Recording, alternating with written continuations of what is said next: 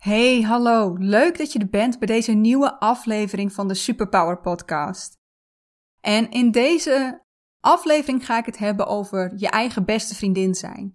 En dat doe ik aan de hand van uh, het onderwerp zelfcompassie.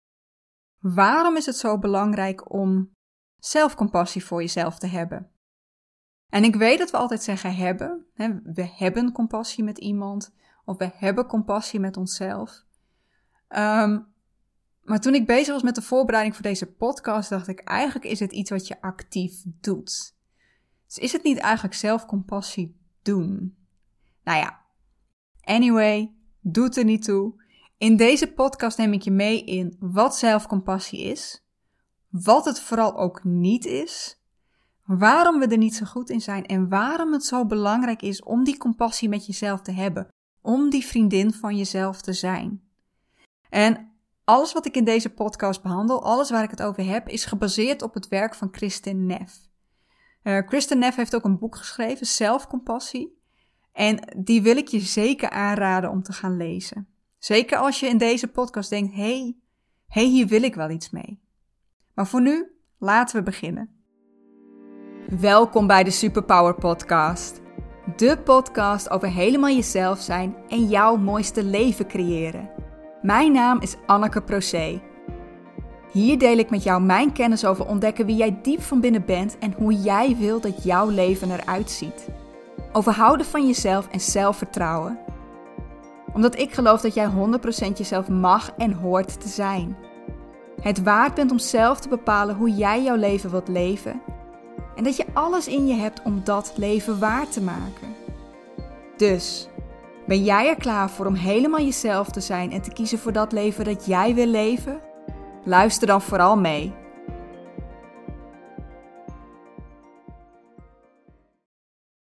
Goh, heb je alweer die woonkamer niet opgeruimd? Wat ben je toch ook lui? En die fout in die e-mail aan die klant, hoe dom kun je zijn? En meid, je ziet er echt niet uit in die jurk. Nou, dit klinkt nu alsof er een stem van buiten is die dit tegen je zegt, maar uh, stiekem zijn dit heel vaak stemmetjes in je hoofd. Die tegen jou zeggen dat je lui bent, dat je dom bent, dat je er niet uitziet. Herkenbaar? Ja, eerlijk, ik moet de eerste nog tegenkomen die dit niet doet, die dit nooit doet. En ik, ja, eerlijk, ik doe het ook. En daarmee komen we meteen bij het negatieve deel van deze podcast. Ik zei, we gaan het over zelfcompassie hebben.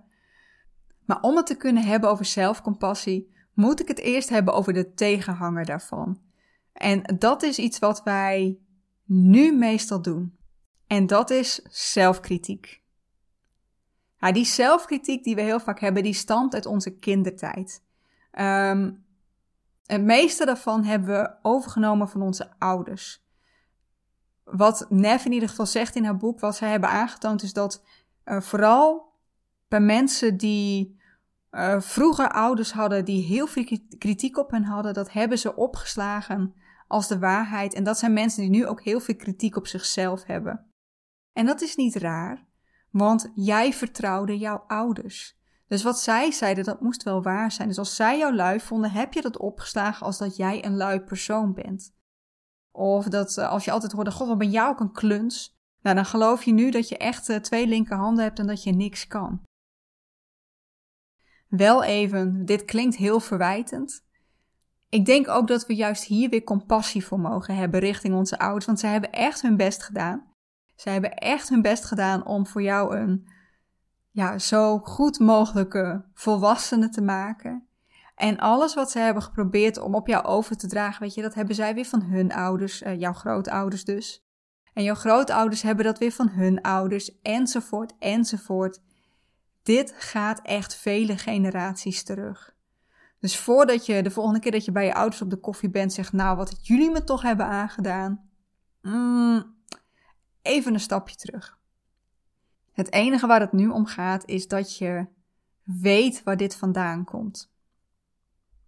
Maar het hoeven niet alleen je ouders te zijn geweest. Weet je, het kan ook een broer of een zus zijn geweest die het natuurlijk ook weer van jouw ouders hebben overgenomen. Uh, je grootouders, ooms, tantes, leerkrachten, etc. Iedereen die jij als kind vertrouwde en die je hoger had staan dan jij. Hoewel ik, ik weet eigenlijk niet zeker of dat vertrouwen altijd meespeelt. Ehm, ik heb namelijk denk ik ook heel veel overgenomen van wat klasgenoten van mij vonden. En dat had niks met vertrouwen te maken. Ik kan mezelf eigenlijk niet zo goed herinneren dat mijn ouders heel veel kritiek op me hadden. Uh, ik had tenminste niet van die ouders die altijd maar uh, liepen aan te dringen dat ik het beter moest doen op school, dat die acht echt een negen moest worden. Het moest niet altijd beter. Tenminste niet als het ging om schoolprestaties. Misschien dat ik daarom ook wel wat minder kritiek heb als het gaat om, om hoe goed ik kan leren. Dat het bij mij op een ander vlak ligt, op het sociale vlak. Want ik denk wel dat ik altijd het gevoel heb gehad dat ik het sociaal beter moest doen. Dat ik het niet fijn mocht vinden om alleen te zijn. Dat ik met andere kinderen moest spelen. Dat ik, um, dat ik socialer moest zijn. Nou, dat heb ik overgenomen. Uh, niet alleen is dat iets wat nu nog heel regelmatig bij me opkomt, dat ik denk: Oh, ik zou echt geen nee moeten zeggen hiertegen, ook al heb ik er helemaal geen zin in. Maar toen ik nog kind was, heb ik me ook heel erg aangepast of proberen aan te passen aan de andere kinderen om te worden zoals zij. In de hoop dat ik dan geaccepteerd zou worden en dat ik mee mocht doen. Nou, helaas, dat was niet zo succesvol als ik had gehoopt. Um, want juist nu kreeg ik altijd te horen: nee, je mag niet meedoen. Nee, we vinden het niet leuk als jij meespeelt. En nou ja, doordat zij alles deden wat ik dacht dat ik, waar ik beter in zou moeten zijn, ben ik ook gaan geloven dat zij beter waren dan ik, dat ik minder was. En doordat ik hen hoger had staan dan mezelf, heb ik hun kritiek ook opgeslagen. Dus ja, weet ik precies waar het bij mij vandaan komt? Nee, ik heb een vermoeden. Maar ook ik heb die zelfkritiek zeker wel. En ja, we hebben het over mensen gehad, weet je, je ouders, uh, andere familieleden, leerkrachten, desnoods je buren, I don't know. Maar het gaat niet alleen om specifieke mensen. Het gaat ook om de samenleving waarin wij zijn opgegroeid. Onze samenleving hier in het Westen is heel erg individualistisch en heel erg competitief. En dat betekent dat we denken dat we beter moeten zijn dan anderen. Dat je bovengemiddeld moet zijn. Maar nou gaan we kleine gedachtenoefening doen en ik denk dat je deze wel kent. Nou, als we kijken naar gemiddeldes. Een gemiddelde ligt op 50%. En dat betekent dat niet meer dan 50% bovengemiddeld kan zijn. En dat is een beetje kort door de bocht natuurlijk. Want je hebt waarschijnlijk ook een hele groep mensen die zo goed als precies op dat gemiddelde scoren. Maar het gaat erom dat we niet allemaal boven gemiddeld kunnen zijn. Dat er ook altijd mensen zullen zijn die ondergemiddeld zijn. En dan kun je zeggen, ja, maar dan ben ik tenminste niet. Ik zorg ervoor dat ik die bovengemiddelde ben. Maar hoe moeilijk is het om overal bovengemiddeld in te zijn? Dat gaat je niet lukken. En als je daaraan vast gaat houden, aan dat jij beter moet zijn, dan ga je je vergelijken met anderen. Of je gaat je vergelijken met hoe je volgens de samenleving zou moeten zijn. Hè, bij mij is dat, heeft dat heel erg in dat introverte gezeten. Dat ik volgens de samenleving, volgens de maatschappij, extraverter moest zijn. Dat ik, ja, ik wist heel goed dat ik daar ondergemiddeld scoorde. En dat heeft mij heel lang onzeker gemaakt. Dat heeft me heel lang een slecht gevoel over mezelf gegeven. En als jij dat vergelijken blijft doen, of als je dat gaat doen, dan ga jij je nooit goed over jezelf voelen. Dan ga je altijd die kritiek op jezelf hebben. Dat je, nou, zoals in mijn geval, jezelf niet sociaal genoeg vindt, niet vriendelijk genoeg. En er zullen ook altijd mensen zijn die beter zijn dan jij. Dus altijd wel iemand intelligenter, iemand knapper, iemand slanker, iemand succesvoller, iemand socialer, etc. Je kunt niet overal de beste in zijn. Nou, wat ik net al zei, um, ik herkende dit heel erg als introvert en ik denk dat jij dat ook wel kunt herkennen dan. Uh, als je introvert bent, tenminste als je dit luistert. Want dan heb je geleerd dat extraversie ja, bijna de heilige graal is. Je moet spontaan zijn, je mag niet op je mondje gevallen zijn. Je moet zeggen wat je denkt, je mag je niet terugtrekken. Je hoort ervan te genieten om met andere mensen op te trekken, het liefst zo groot mogelijke groepen. Nou ja, ik weet het niet, maar, of ik weet niet hoe dit voor jou is, maar bij mij denk ik nu al, oh my god. Als introvert voel je je meteen ondergemiddeld als je dit hoort. En als je dan gaat vergelijken, en I know I did, dan ga je er negatieve conclusies uittrekken. Dat je niet normaal bent, dat je niet sociaal genoeg bent, niet vriendelijk genoeg. Kortom, dat je niet goed genoeg bent. En wat je dan krijgt is heel veel kritiek op jezelf. Waarom ben je nou weer zo stil? Heb je weer je mond niet opgetrokken in dat overleg? En doe eens even leuk mee op dat feestje. Hallo. Nou, ik weet niet of jij die stemmetjes nu net herkende, maar ik herken die in ieder geval heel goed. Maar waarom hebben we dan zoveel zelfkritiek? Waar komt dat vandaan? Waarom zijn we zo hard voor onszelf?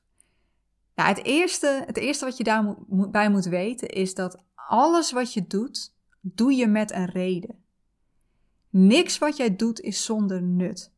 Zelfs als jij ehm, gaat zitten niksen op de bank en het gevoel hebt dat je eigenlijk aan het werk zou moeten en dat je dus zelf heel erg kwalijk neemt dat je zo ontzettend verschrikkelijk lui bent, dat op die bank gaan zitten heeft een nut voor je, anders zou je het niet doen. Het is omdat je misschien jezelf wel voorbij bent gelopen en echt die rust nodig hebt. Of omdat er iets is waar je bang voor bent en waar je nou, een beetje vluchtgedrag voor aan het vertonen bent. Weet je, er kunnen verschillende dingen zijn, maar niks is zonder nut. Het levert je altijd iets op, of het is in ieder geval jouw brein die denkt dat het je iets oplevert. Nou, wat levert zelfkritiek dan op? Nou, het eerste, het is een beschermer. En ten tweede denken we dat het een motivator is. Welke bescherming biedt het dan? Doordat jij uh, jezelf al dingen kwalijk gaat nemen voordat je het hebt gedaan, kun jij anticiperen op de kritiek die je van een ander zou kunnen krijgen. En je kunt dat gaan voorkomen door je gedrag aan te passen. En door zelfkritiek te hebben, door al tegen jezelf te zeggen dat je iets toch niet kunt, of dat je raar bent, of dat je te dik bent. Dat is heel pijnlijk om van jezelf te horen, maar het maakt het vervolgens minder pijnlijk als iemand anders dat tegen je zegt. Dus op deze manier probeert het jou te beschermen. Maar het is ook een motivator. Of, nou ja, ik zei het al, het denkt dat het een motivator is. Want het probeert jou te motiveren vanuit angst. Je moet wel je best doen, anders wordt het niks. En je moet altijd vriendelijk zijn, anders ben je een slecht mens. Maar angst maakt ons nerveus, het maakt ons onzeker. En wat doen we als we nerveus zijn en onzeker? Dan worden we nog banger om fouten te maken en we gaan het vermijden. Um, procrastination, vast wel bekend mee. We gaan uitstellen. Want, oh ja, nee, ja, ik ben veel te laat begonnen. Nee, geen wonder dat het niet is gelukt. Weet je, als ik op tijd was begonnen, dan was het allemaal goed gegaan. Of je gaat niet je best doen. Of in ieder geval minder je best doen. Ja, maar ik deed ook niet echt mijn best, hè. Anders, had ik het, anders was het vast wel gelukt. Of we gaan het niet eens meer proberen. De faalangst slaat zo toe dat we ons helemaal terugtrekken, onze handen ervan aftrekken en zeggen: Nee, ik doe het niet. Want ik zei net wel, die zelfkritiek gebruiken we om onszelf te beschermen. Zodat als een andere tegen ons zegt dat het minder pijn doet. Maar zelfkritiek doet ook pijn. Dus ook dat proberen we te voorkomen. En dat doen we door alles waar we kritiek op zouden kunnen krijgen, om dat te vermijden. Maar wat gebeurt er daardoor? Daardoor doen we juist niet ons best. Daardoor halen we juist niet onze doelen. Juist Daardoor wordt dat falen een self-fulfilling prophecy. Ja, ik heb het dan nu al een tijdje over zelfkritiek en we zouden het eigenlijk hebben over zelfcompassie. Maar ik vond het wel, weet je, uh, ik vond het belangrijk om dit eerst te behandelen. Want om te begrijpen wat zelfcompassie is en wat het voor je kan betekenen, moet je eerst weten wat je nu doet. Het tegenovergestelde. Maar wat is dan zelfcompassie? Stel, je bent op de bruiloft van goede vrienden van je. En een van je vrienden geeft een speech. En ze is lekker bezig. Maar midden in die speech komt ze even niet uit haar woorden. Ze klapt een beetje dicht. En nou ja, ze gaat wel door, maar als ze, weet je, het komt niet meer lekker op gang. En als ze dan klaar is, dan merk je wel dat haar hele gezicht betrokken is. Ze is niet zo vrolijk. Ze verontschuldigt zich nog een keertje tegenover de groep uh, voor haar stomme actie en ze loopt weg. Als je haar dan opzoekt, wat zou je dan tegen haar zeggen? Want zij zit zich natuurlijk helemaal op te vreten. Maar wat zou jij zeggen? Dat ze het slecht heeft gedaan? Dat ze het helemaal heeft verknald? Dat ze zich echt, dat ze wat minder lui had moeten zijn, dat ze zich beter had moeten voorbereiden? Of jeetje, wat ben je toch ook een angsthaas? Uh, dan kun je toch gewoon voor een groep? Nee? Nee, zou je dat niet zeggen? Uh, nou, waarschijnlijk niet. Waarschijnlijk zou je op dat moment vriendelijk zijn. Je zou haar vragen hoe het met haar gaat. Je zou haar vertellen dat het wel meevalt. Dat het helemaal niet zo slecht was. En ja, natuurlijk is het even shit als zoiets gebeurt, maar hé, hey, dat gebeurt nou eenmaal. En hé, hey, we vinden het allemaal eng voor een groep te staan. Hè? Dat, dat heb jij niet alleen. En als het echt heel zwaar heeft, of als je sowieso iemand bent die graag andere mensen aanraakt, dan leg je een arm om haar schouder en geef je haar een dikke knuffel. Als je dat doet, dan is dat compassie. Je leeft met iemand mee, je bent vriendelijk en je veroordeelt hem of haar niet omdat dit gebeurt, of omdat ze iets doms hebben gedaan. En je kijkt hoe je ze kunt helpen. Zelfcompassie is precies hetzelfde, maar dan richting jezelf. Het is stilstaan bij je eigen pijn en vriendelijk zijn tegen jezelf. Jezelf niet veroordelen of die situatie veroordelen. Goed voor jezelf zorgen. Maar ik denk dat je ook wel herkent um, dat al die pijnlijke dingen die jij niet tegen je vriendin zou zeggen, dat je die waarschijnlijk wel vaak tegen jezelf zegt. Eigenlijk klinkt het vrij simpel. Lief zijn voor jezelf. Maar dat is het niet. We vinden dat echt verdomde moeilijk. Ten eerste natuurlijk door waar ik het net over heb gehad. Omdat je hebt geleerd dat je kritiek op je, hoe je kritiek op jezelf moet hebben. Uh, het is misschien nog niet eens dat we met de paplepel ingegoten krijgen van hé, hey, je moet dit doen. Je moet kritiek op jezelf hebben. Maar doordat andere mensen kritiek op jou hadden, heb je dat overgenomen. En doordat je ook hebt gezien dat andere mensen kritiek op zichzelf hadden, heb je dat overgenomen als zijnde dat is normaal om te doen. En je hebt geleerd om jezelf te vergelijken met anderen. Dat je beter moet zijn. En als je dat niet bent, dat je dan vooral jezelf daar de schuld van moet geven. En wat we ook hier leren, en ik denk niet dat dit op de hele wereld zo is, maar hier wel. Je moet je niet zo aanstellen. Je moet vooral doorzetten. Je moet sterk zijn. Je mag niet huilen. Want waar we onder andere bang voor zijn, uh, als we het hebben over compassie voor onszelf, is dat we dan zwak lijken. Dat we niet streng genoeg voor onszelf zijn en dat je jezelf met van alles weg laat komen. En we geloven ook dat het leven maakbaar is. Gaat iets niet zoals je wilt, dan is dat je eigen schuld. En ja, als iets je eigen schuld is, waarom zou je dan niet voor jezelf zijn? Je hebt het zelf gedaan, toch? Eigen schuld, dikke bult, live with the consequences. Maar hey, uh, nee, je hebt vooral geen troostend woordje nodig, of die verdien je niet.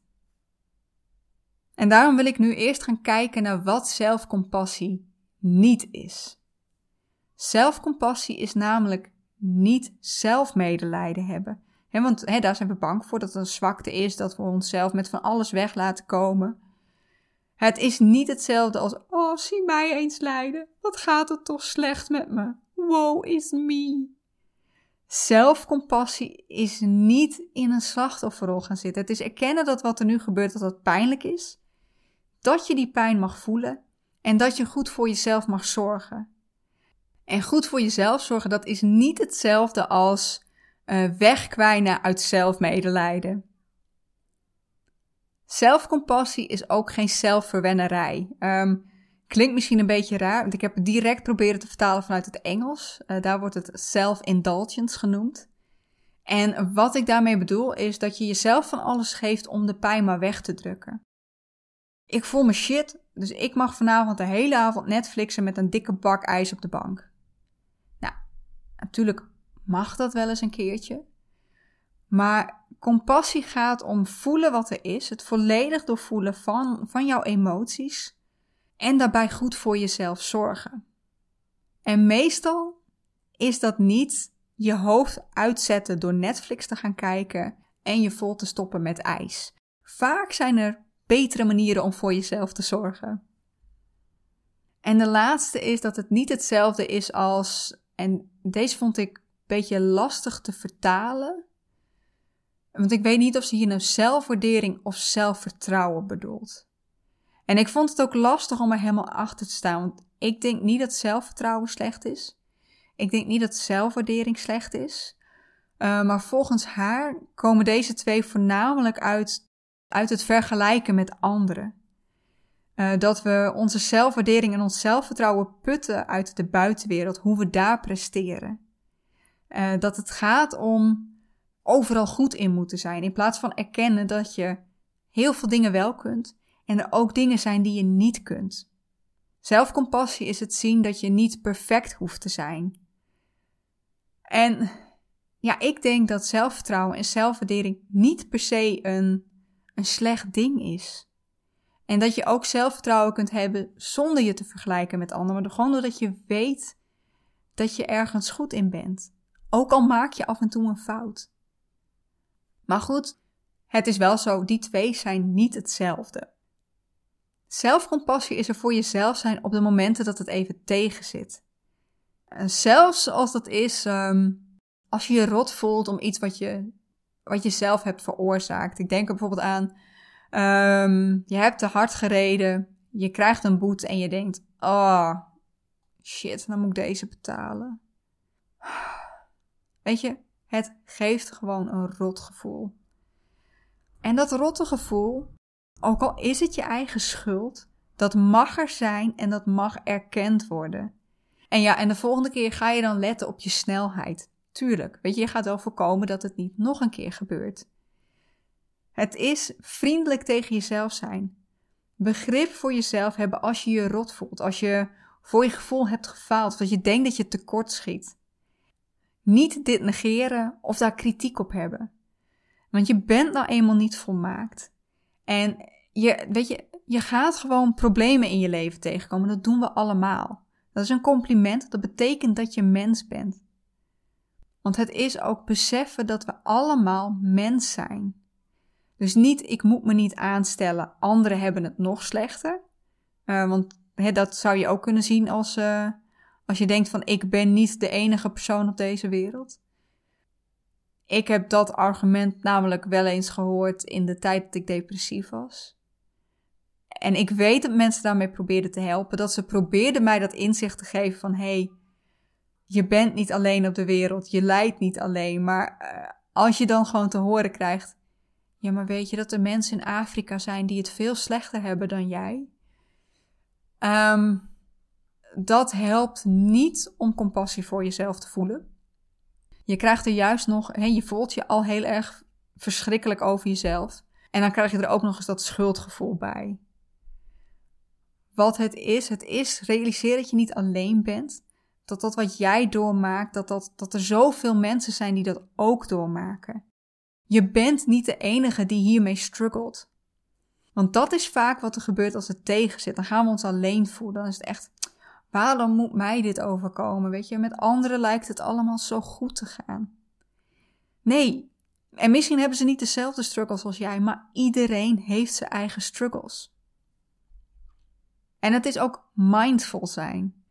En mindful is in dit geval dat je open staat voor je eigen emoties en helder kijkt naar wat er gebeurt. En wat we vaak doen is dat we dingen willen negeren die pijn doen, of dat we ze juist gaan overdrijven. Ah nee, dit doet pijn, dit wil ik niet voelen. Weet je, ik druk het wel weg. Ik ga wel iets anders doen. En ik denk er niet meer aan. Of, oh, het gaat zo slecht met echt alles is shit. Als je het wegdrukt, dan komt het echt dubbel zo hard terug. En als je het overdrijft, dan gaat het je hele leven beheersen. Dan is het alsof dat het enige wat er nog is. Nee, het is oké, ik voel me even rot. En je af en toe rot voelen, dat hoort er nou eenmaal bij. Dat is deel van het leven. Wat kan ik nu doen om mezelf weer beter te voelen? Hoe kan ik goed voor mezelf zorgen? Want dat is waar het om gaat. Erkennen dat dit gevoel er is zien dat dat erbij hoort, dat je mens bent. Uh, en alle mensen hebben dingen waar ze minder in zijn. Alle mensen maken fouten. Alle mensen maken vervelende dingen mee. En zo goed mogelijk voor jezelf zorgen. En je hebt al gezien dat zelfkritiek niet zo goed voor je is. We worden er nerveus van, onzeker, depressief, angstig. Het legt heel erg de nadruk op alles wat fout aan je is en wat er maar fout kan gaan. En daardoor houdt het je juist tegen. Daardoor ga je uitstellen. Je gaat minder je best doen of je gaat het überhaupt niet meer doen.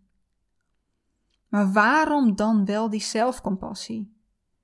Zelfcompassie is het beste voor jezelf willen en daardoor kom je juist wel in actie.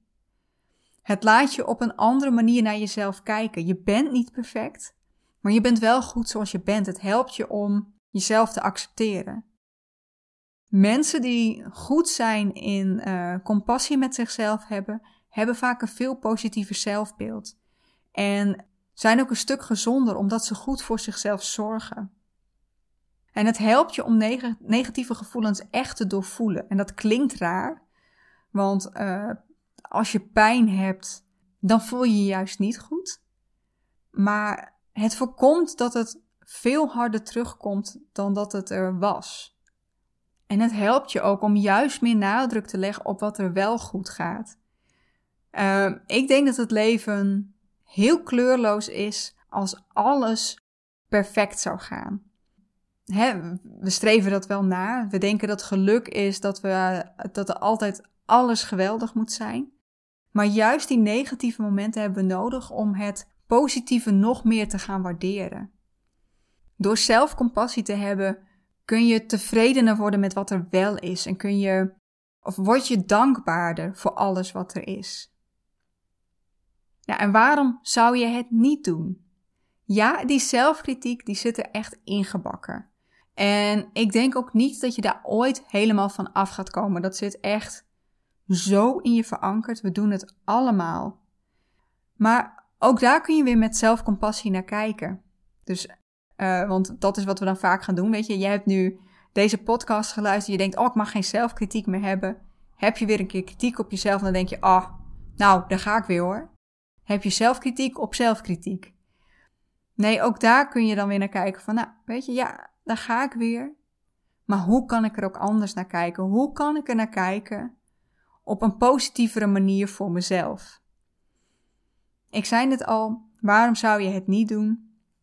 Ik heb al opgenoemd dat je er blijer van wordt, optimistischer, hoopvoller, meer tevreden, dankbaarder.